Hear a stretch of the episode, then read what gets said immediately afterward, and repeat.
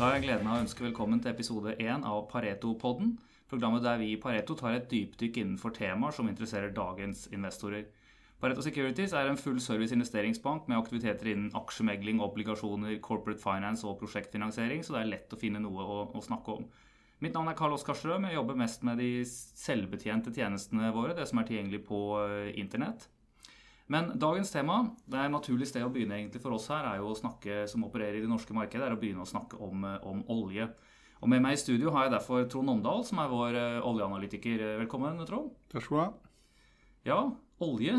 Det er det som er stortromma som liksom lager rytmen som, som, hele markedet her eh, går litt eh, etter. Og mange av de selskapene på Oslo Børs er jo direkte eller indirekte eksponert mot, mot olje. Men du har vært i oljebransjen lenge og sett mange sider av den. Kan du si litt om, om din egen bakgrunn? Ja, takk for det. Jeg har vært oljeanalytiker nå i ti år. Pareto, og før det Arctic Securities og Nordea Markets. Og før det var jeg 15 år i oljeindustrien. Og før det så er det Stavanger-dialekt, hører jeg, så det er rette plassen. Og ja. Eh, elleve år i Statoil ConocoPhillips og, og bedriftsrådgiver. Og faktisk min første sommerjobb var helt tilbake i 1982, da oljeprisen egentlig første gangen var i 100 dollar i dagens eh, valuta.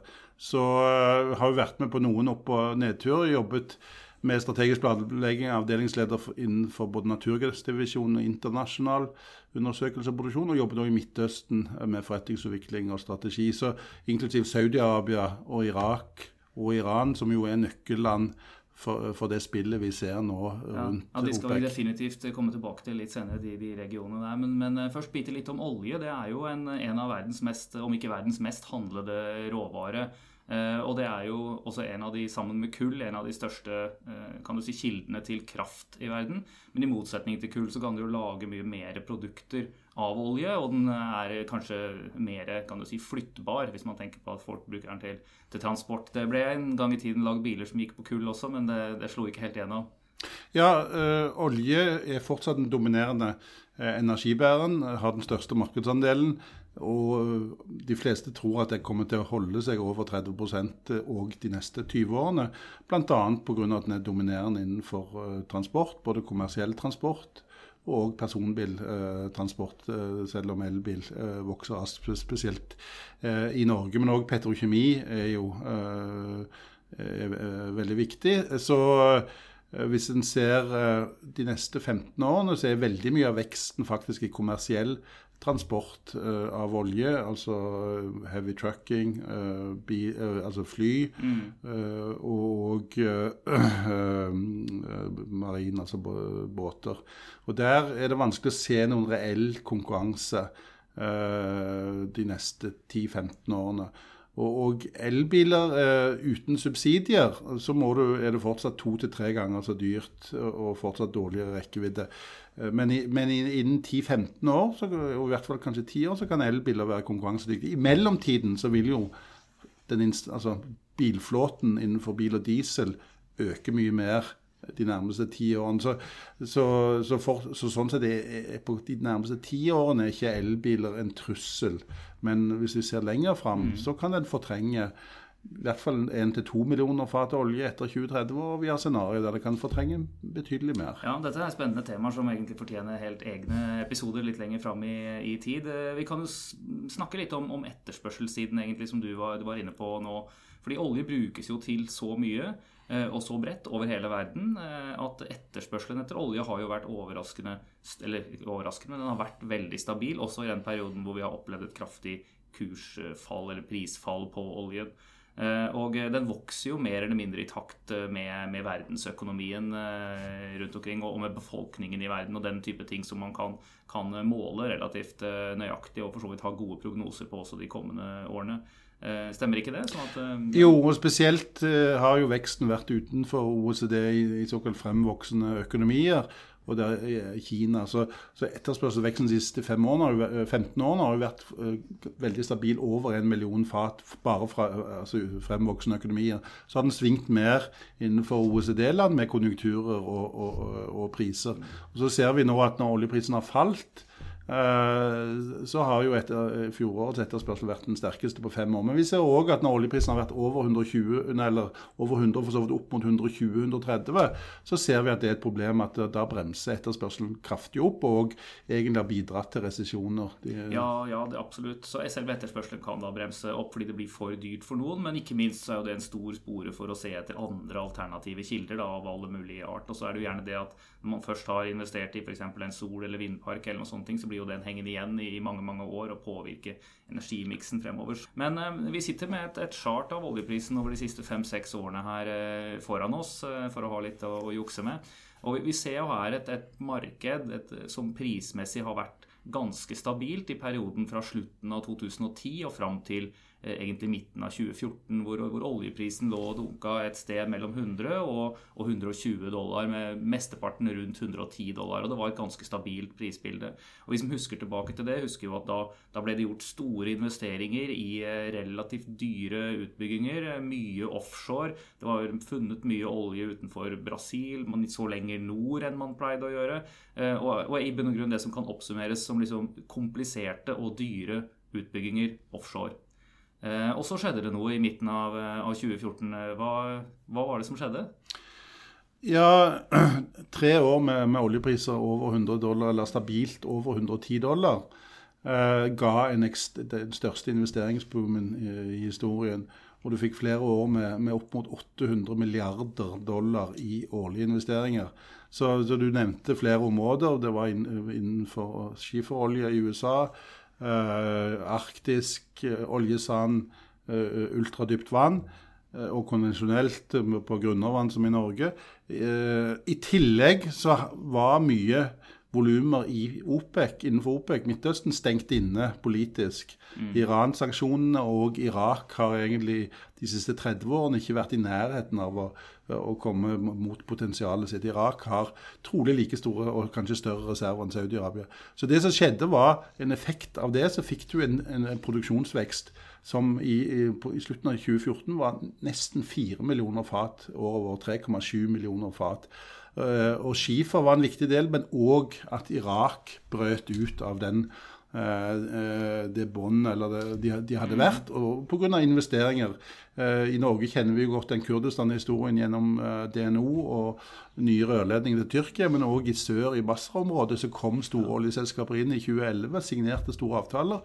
Og den produksjonen er opp nesten to millioner fat. Så de, alle de faktorene, og at Iran-avtalen kunne, kunne bli Altså Iran-sanksjonene kunne stoppe opp, gjorde at Saudi endret strategi. Det var ikke mulig for Saudi å holde igjen. Og at Saudi ble sett på som en garantist for over altså 90-95 dollar var, uh, var gulvet. Og dermed så fikk du en uh, uh, lånefinansiering. Og den garantien måtte Saudi òg fjerne.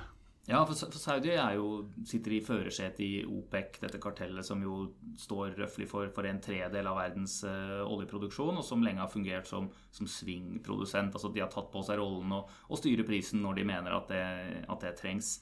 Uh, og eh, det var da De følte det vel som en trussel, man spekulerer i hvert fall i det, at du begynte å se den kraftige veksten i, i amerikansk olje, og at det som volummessig kunne, kunne være et problem for de på, på sikt. Ja, og så, så har de nok òg sett at over 100 dollar var for høyt på etterspørselssiden. At de fryktet konkurranseevnen til, til, olje på lang sikt. For mye investeringer i, i fornybare og alternative eh, energikilder. Så det er ikke første gangen at Saudi har mistet eh, kontroll eller måttet la prisene slippe ned. Du gjorde det under Asiakrisen i 98 eh, i 2001-resesjonen en kortere periode, under finanskrisen. Men, men, alle de periodene har det tatt kortere tid, under ett år mm. der Saudi har tatt tilbake kontrollen. Her var det så mange sterke faktorer. Skiferrevolusjonen, de store investeringene, eh, tilbakekomsten i Irak og Iran.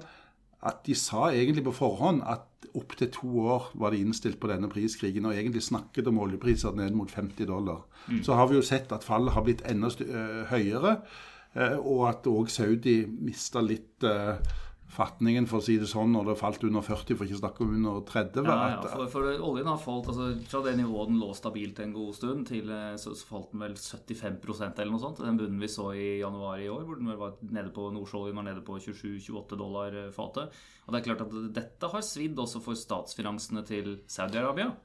Ja, så, så når de innledet denne krigen, så var den forrige oljeministeren Naimi ute og sa uansett om det går til 20 dollar, så, så tåler vi dette. Og, og, og break-even for oljefeltene i Saudi-Arabia er jo under 10 dollar, altså hva det Ja, koster å utvikle det. Men Saudi-Arabia selv har tilvendt seg over 100, hadde tilvendt seg òg over 100 dollar eh, i oljepris for å balansere budsjettet. Så de to årene med priskrig har kostet de, altså det har rent ut nesten 250 milliarder dollar. Og i år får de et underskudd på statsbudsjettet på over på, på 100 milliarder dollar. Og du har sett eh, spekulasjon mot eh, valuta. Når I forrige uke henta de jo en svær Ja. obligasjon på 17,5 milliarder dollar. Ja, Det er vel første gang på veldig lenge at, eh, at Saudi-Arabia er ute som stat har vært ute og lånt eh, penger. Og, og den, det lånet gikk jo, ble jo populært og tatt godt imot i, i markedet. Eh, og det snakkes jo også om børsnotering og, og del, nedsalg i deler av dette statlige oljeselskapet. Ja, og det er jo òg en, en nesten revolusjonær utvikling i oljemarkedet hvis det skjer. Og det snakkes om 5% og nå snakkes det òg om at det ikke bare er nedstrøms, altså raffineriene men, og petrokjemivirksomhet, men òg selve uh, diamanten, altså produksjonen og, og Saudi Aramco-feltene og produksjonen. Og de, de har snakket om en ambisjon på 5% og at det skal få inn 100 milliarder dollar det første nedsalget, og at sannsynligvis planlegger de det i eh, 2018. Men det er òg et argument for selvfølgelig at de ikke ønsker å gjøre dette på priser under 50 dollar. Saudi har jo nå sagt at eh, 50 dollar er for lavt, 100 var for høyt, et sted midt imellom. Eh, og, og de har fått ned den prisen de trenger for å balansere budsjettene. Men senest i forrige uke så var IMF, altså pengefondet, ute og sagt at de, Saudi greier, har greid å få det der mindre enn de trodde bare for seks måneder siden. Fremdeles i år er break-even for budsjettet 80 dollar. Og 70 neste år. Så de, det renner ut 8-10 milliarder dollar per måned. Det er jo en viktig grunn, i tillegg til andre ting, at de har fått ned investeringene, de har stoppet opp veksten utenfor OPEC, til at vi tror at OPEC er i ferd med å avblå, eller Saudi alene egentlig er i ferd med å avblåse eh, priskrigen. Ja, ja. ja. Nei, det, det er vel vanskelig for enhver stat, det har vel mange stater erfart, det å kutte kostnader. Det er eh, sjelden veldig populært i befolkningen, og det er ikke så lett å finne ut hvor man skal eh, ta det fra. Og, og om man så spoler litt ut, så hører jeg noen økonomer som har snakket om, om Saudi-Arabia, at de har vært redd for det du kaller at oljen skal bli en stranded asset. Eh, At de blir liggende med, med store oljeressurser som, som vil være der når Om man ser litt lenger frem i tid, hvor kanskje olje har blitt fortrengt av, av andre former for energi og den type ting. Så, så dette her er jo, er jo problemstillinger som opptar eh, mange, men eh, jeg tror vi kan konstatere at, eh, at eh, Saudi-Arabia gjorde det de kunne og fikk eh, kontroll på, på oljeprisen her. Men, eh, men det, har, det har vært dyrt for dem. Ja, og hvis en ser det historisk, så har alltid Saudi-Arabia egentlig vært mer bekymra for det langsiktige konkurranseevnen.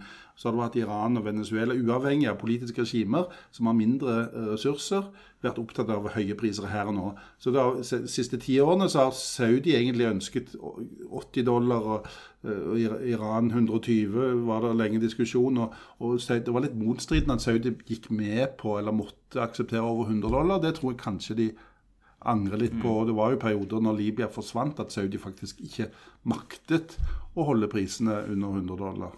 Mm, mm. Nei, så, så Oljefeltene i Midtøsten de er jo i hovedsak på land. og I forhold til annen olje så er den jo relativt billig å, å ta opp. Men hvis vi ser da på en av de andre regionene som på en måte hadde den enorme veksten i forkant av, av at oljeprisen begynte å falle, så var jo det eh, USA som spesielt utmerket seg der sånn, og at ny teknologi gjorde skiferoljen eh, kommersielt utvinnbar, i hvert fall på de prisene man hadde da. For dette var jo oljeressurser man, i likhet med oljesanden i Canada, eh, har kjent til veldig lenge, og som er veldig store. Eh, Det er bare at det har vært for dyrt å, å utvinne det. Eh, Og så begynte den å bli på 100 dollar, så, så, så var det jo en investeringsboom også på land i USA, som jo var, eh, var uten like. Eh, hvordan, hvordan har de opptrådt nå etter at oljeprisen har tatt et dykk? Ja, de har jo, eh, Investeringene for selskapene har jo falt med, med 70-80 Eh, Du ser det på, på antall rigger eh, som falt. Og så har de òg fått ned eh, break-even, i hvert fall på de, på de beste feltene, når de bor det beste av det beste. Men du, ser jo at eh, på, på priser under 50 dollar, så er, så er det jo alle, alle eh, fleste aktørene har jo øker jo gjelden. Eh, men, men vi ser de beste områdene, sånn som Permian-bassenget i Texas, så er det lønnsomt. Og der ser du at når oljeprisen har gått til 50, så begynner de å øke Ja, både, både, både rigger ja, og- og I tillegg til å, å ferdigstille brønnene. Mens vi ser de to andre viktige bassengene, Eagle Ford og, og i, også i Texas og bakken i Nord-Dakota, så ser du at selv når oljen har gått til 50, så har du ikke økt antall rigger, men du ser økning av såkalt komplettering, altså ferdigstilling av brønnene, som er to tredjedeler av kostnadene, men at der må du over 60 dollar sannsynligvis før du begynner å øke eh, antall rigger. Bakken er litt artig, vet du, for det er jo Nord-Dakota og, eller Dakota, og det er jo der alle nordmennene bosatte seg. Iallfall veldig mange av de. Sannelig fant de olje der òg.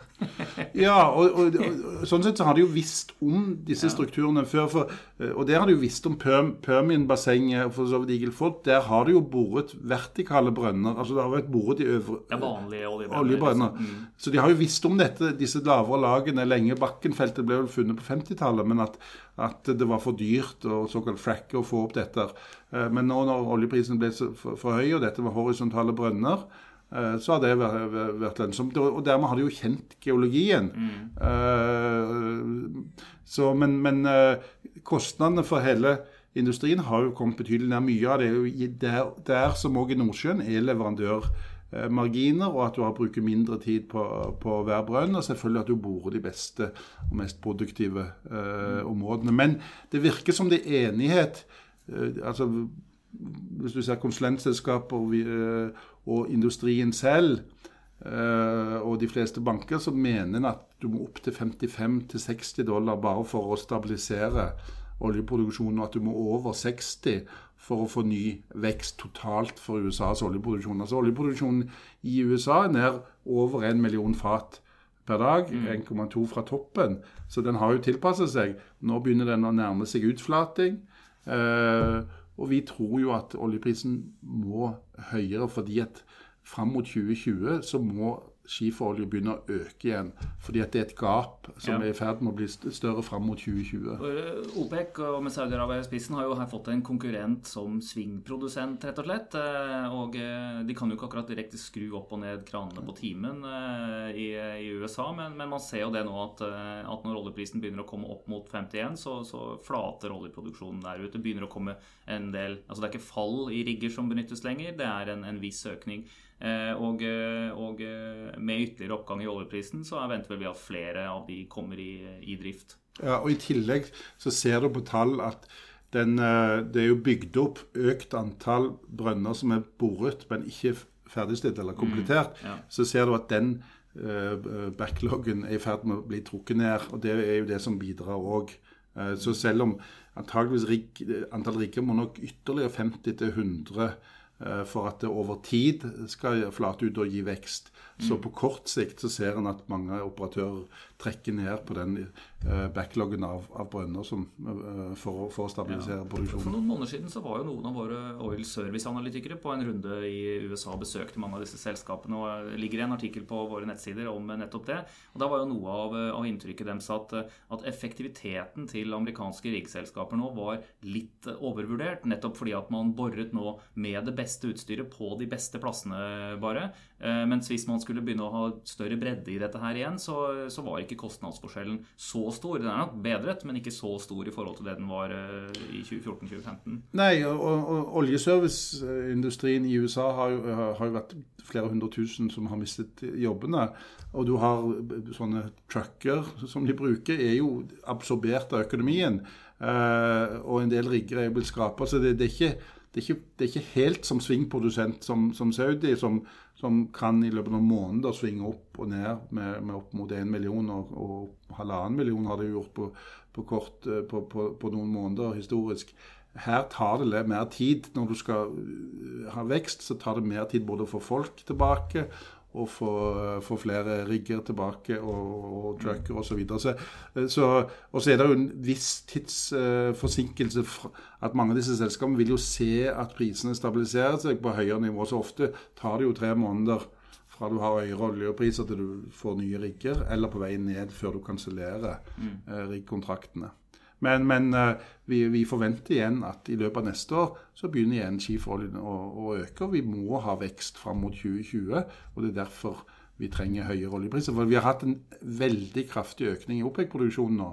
Altså Denne nedturen så har OPEC brukt til å øke uh, sin markedsandel med, med nesten tre, ja, 3 millioner fat. Ja. Uh, Irak har, tatt, uh, har økt med over 50% Saudi har økt med, med 600 000 fat. Og Iran er tilbake Eh, der de var før sanksjonene ble innført i 2012. Altså, av de store OPEC-landene så er det vel Libya som fortsatt liksom er under sitt potensial. Og så har, har, du Nigeria som, eh, hvor det er noen eh, produksjonsforstyrrelser. Og så er det Venezuela som mer er, lider av en investeringsproblemer eller interne problemer. Ja, det er riktig. Så, mm. så Saudi, Abu Dhabi, Kuwait, Irak alle er egentlig mer eller mindre eh, på maks. Iran er òg egentlig på kapasitet kanskje 100 000 til. Og så akkurat som du trekker fram Libya, er det jo borgerkrig. Der har produksjonen økt, men er fortsatt på rundt 600 000 fat. Før Gaddafi ble styrtet og drept, så var de på 1,6 millioner fat. Og faktisk helt tilbake på 60-tallet var de over 3 millioner fat.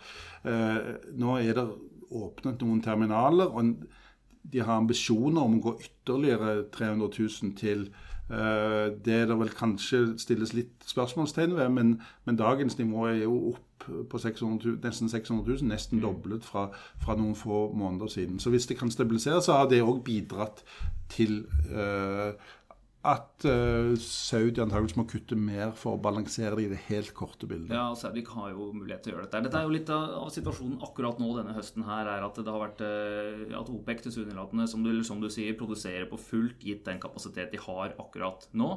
Uh, og da er det jo lettere å love at man skal kunne fryse eksempelvis produksjonen når du allerede er på fullt. Det er jo som å si at du ikke skal skru opp mer på en kran som allerede er skrudd på, på fullt. Men så da, kan da Saudi i denne posisjonen kutte lite grann. Eh, og det vil få stor priseffekt. Eh, ser man på andre regioner, sånn som Nordsjøen, eh, Russland, så er jo dette også produsenter som produserer mer eller mindre fullt trøkk nå. Så vi ser jo her et bilde som Jeg syns det virker som det er ganske stor enighet i markedet nå på at prisene kommer til å komme litt opp. Og Saudi har jo sagt 60 ved årsslutt nærmest, og meldt det som Eh, så, så, så, da blir det vel det. Eh, og det er vel det som er vårt eh, syn her også, at, at det, det, er den banen vi ser for oss i nærmeste fremtid. Hva er konkret oljeprisestimatene dine nå? Ja, vi har et kvartalsestimat for tredje kvartal på 55, og så har vi 60 i gjennomsnitt neste år. Eh, og så har vi eh, 70 fra og med uh, 2018 realpris. På de nivåene der da begynner amerikansk produksjon å ta seg eh, opp igjen? ikke sant? Ja, ja og, og, vi mener jo at, at skifer fra å ha vært fallende nå, at, at vi må ha en årlig vekst på 600 000-700 000 fat. og det eh, krever oljepriser på over 70 dollar for, for å få den veksten. Og du kan lage scenarioer der det må enda høyere. Eh, at en trenger enda mer skifer. Mm. Hvis du ser oljeselskapet Total var ute og sier at det er et gap nå i 2020 på eh, minimum 6 millioner fat. Hvis du ser på etterspørselsvekst, produksjonsfall fra eksisterende felt og hvilke felt som er vedtatt, så det går på 6 millioner fat. Hvis OPEC greier å ta kanskje to, maks tre av det, pga. den korte tidshorisonten der, så må mye av resten av den veksten tas mm. fra skifer. Og Da må vi snu fra fall til vekst, og prisene mener vi må høyere. Ja, jeg syns det virker som et veldig troverdig scenario, dette her egentlig. Og det eneste som gammel trader som bekymrer meg, er at det liksom virker som alle er enig i det.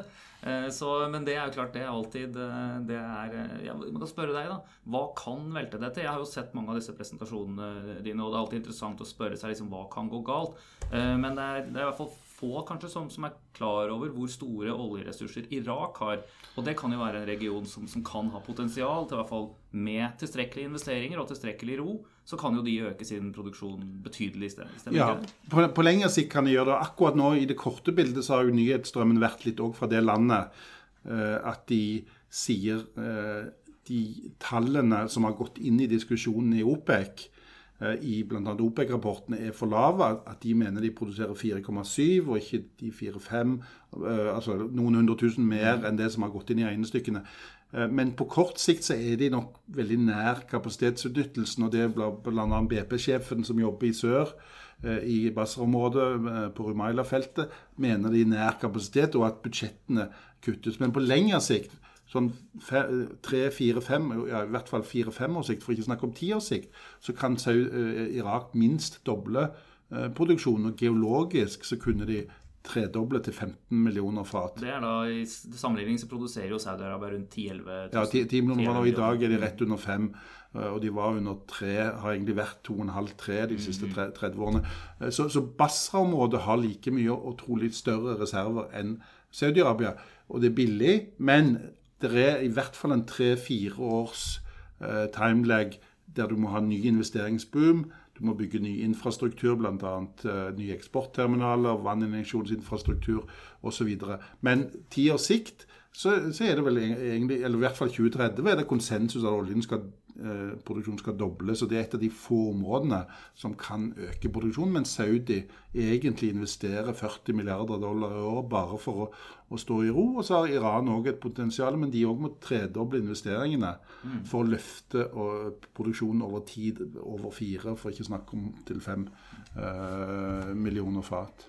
Dette er, eh, dette er, interessant. Og, og for de som, av lytterne som er interessert i å lese mer av dette, her, så har du jo ukentlige og månedlige eh, kommentarer og, og, større periodiske rapporter som tar for seg oljemarkedet, ligger tilgjengelig på, eh, på våre nettsider. Eh, jeg bare ta, det er to, to, usikkerheter til. Selvfølgelig alltid etterspørselen skjer det et eller annet dramatisk på etterspørselen. Det som er nøkkelen, er jo at India nå er i ferd med å nå den fasen som Kina var for 15 år siden. Så, så der forventer vi eh, sterk vekst. Ja, Man har sett sterke tall fra India ja, det siste. At det faktisk blir nummer én vekstmotoren de, på, på oljeetterspørsel per fat, og for så vidt økonomisk vekst og økonomisk eh, altså BNP per innbygger, så ligger de der Kina var. og det, Du, du ser veldig sterke tall på bilsalg osv. Så, videre. så, det, øh, så, så det mener vi sammen med Afrika faktisk, at, at de, de, den veksthistorien er ikke over. Og Kina er heller ikke over, selv om du får fordi det fremdeles på, på bil og, og eh, transport Ja, og Den rullerende mengden biler som ruller der nede, er jo, er jo mye større enn, enn den var for et år siden og året før der igjen. Og, så er, disse skal jo ha drivstoff. Ja. Mm. Så, men, men en annen nøkkelrisiko er jo det politiske bildet. Men Saudi-Arabias forhandlingsposisjon er svekket i forhold til Iran. For to år siden så var det Iran som tryglet Saudi, Saudi om å kutte. Nå er Irans forhandlingsposisjon vesentlig styrka ved at de har fått doblet eksporten gjennom sanksjonene opphevet. Og, men Saudi har erkjent det, så, så Iran får fritak. Eh, Saudi sammen med Kuwait og Abu Dhabi er de som tar den jobben. Og Historisk er det alltid de tre landene som har kuttet. Hvis du ser under finanskrisen, så kuttet Saudi-Arabia 1,6 millioner fat.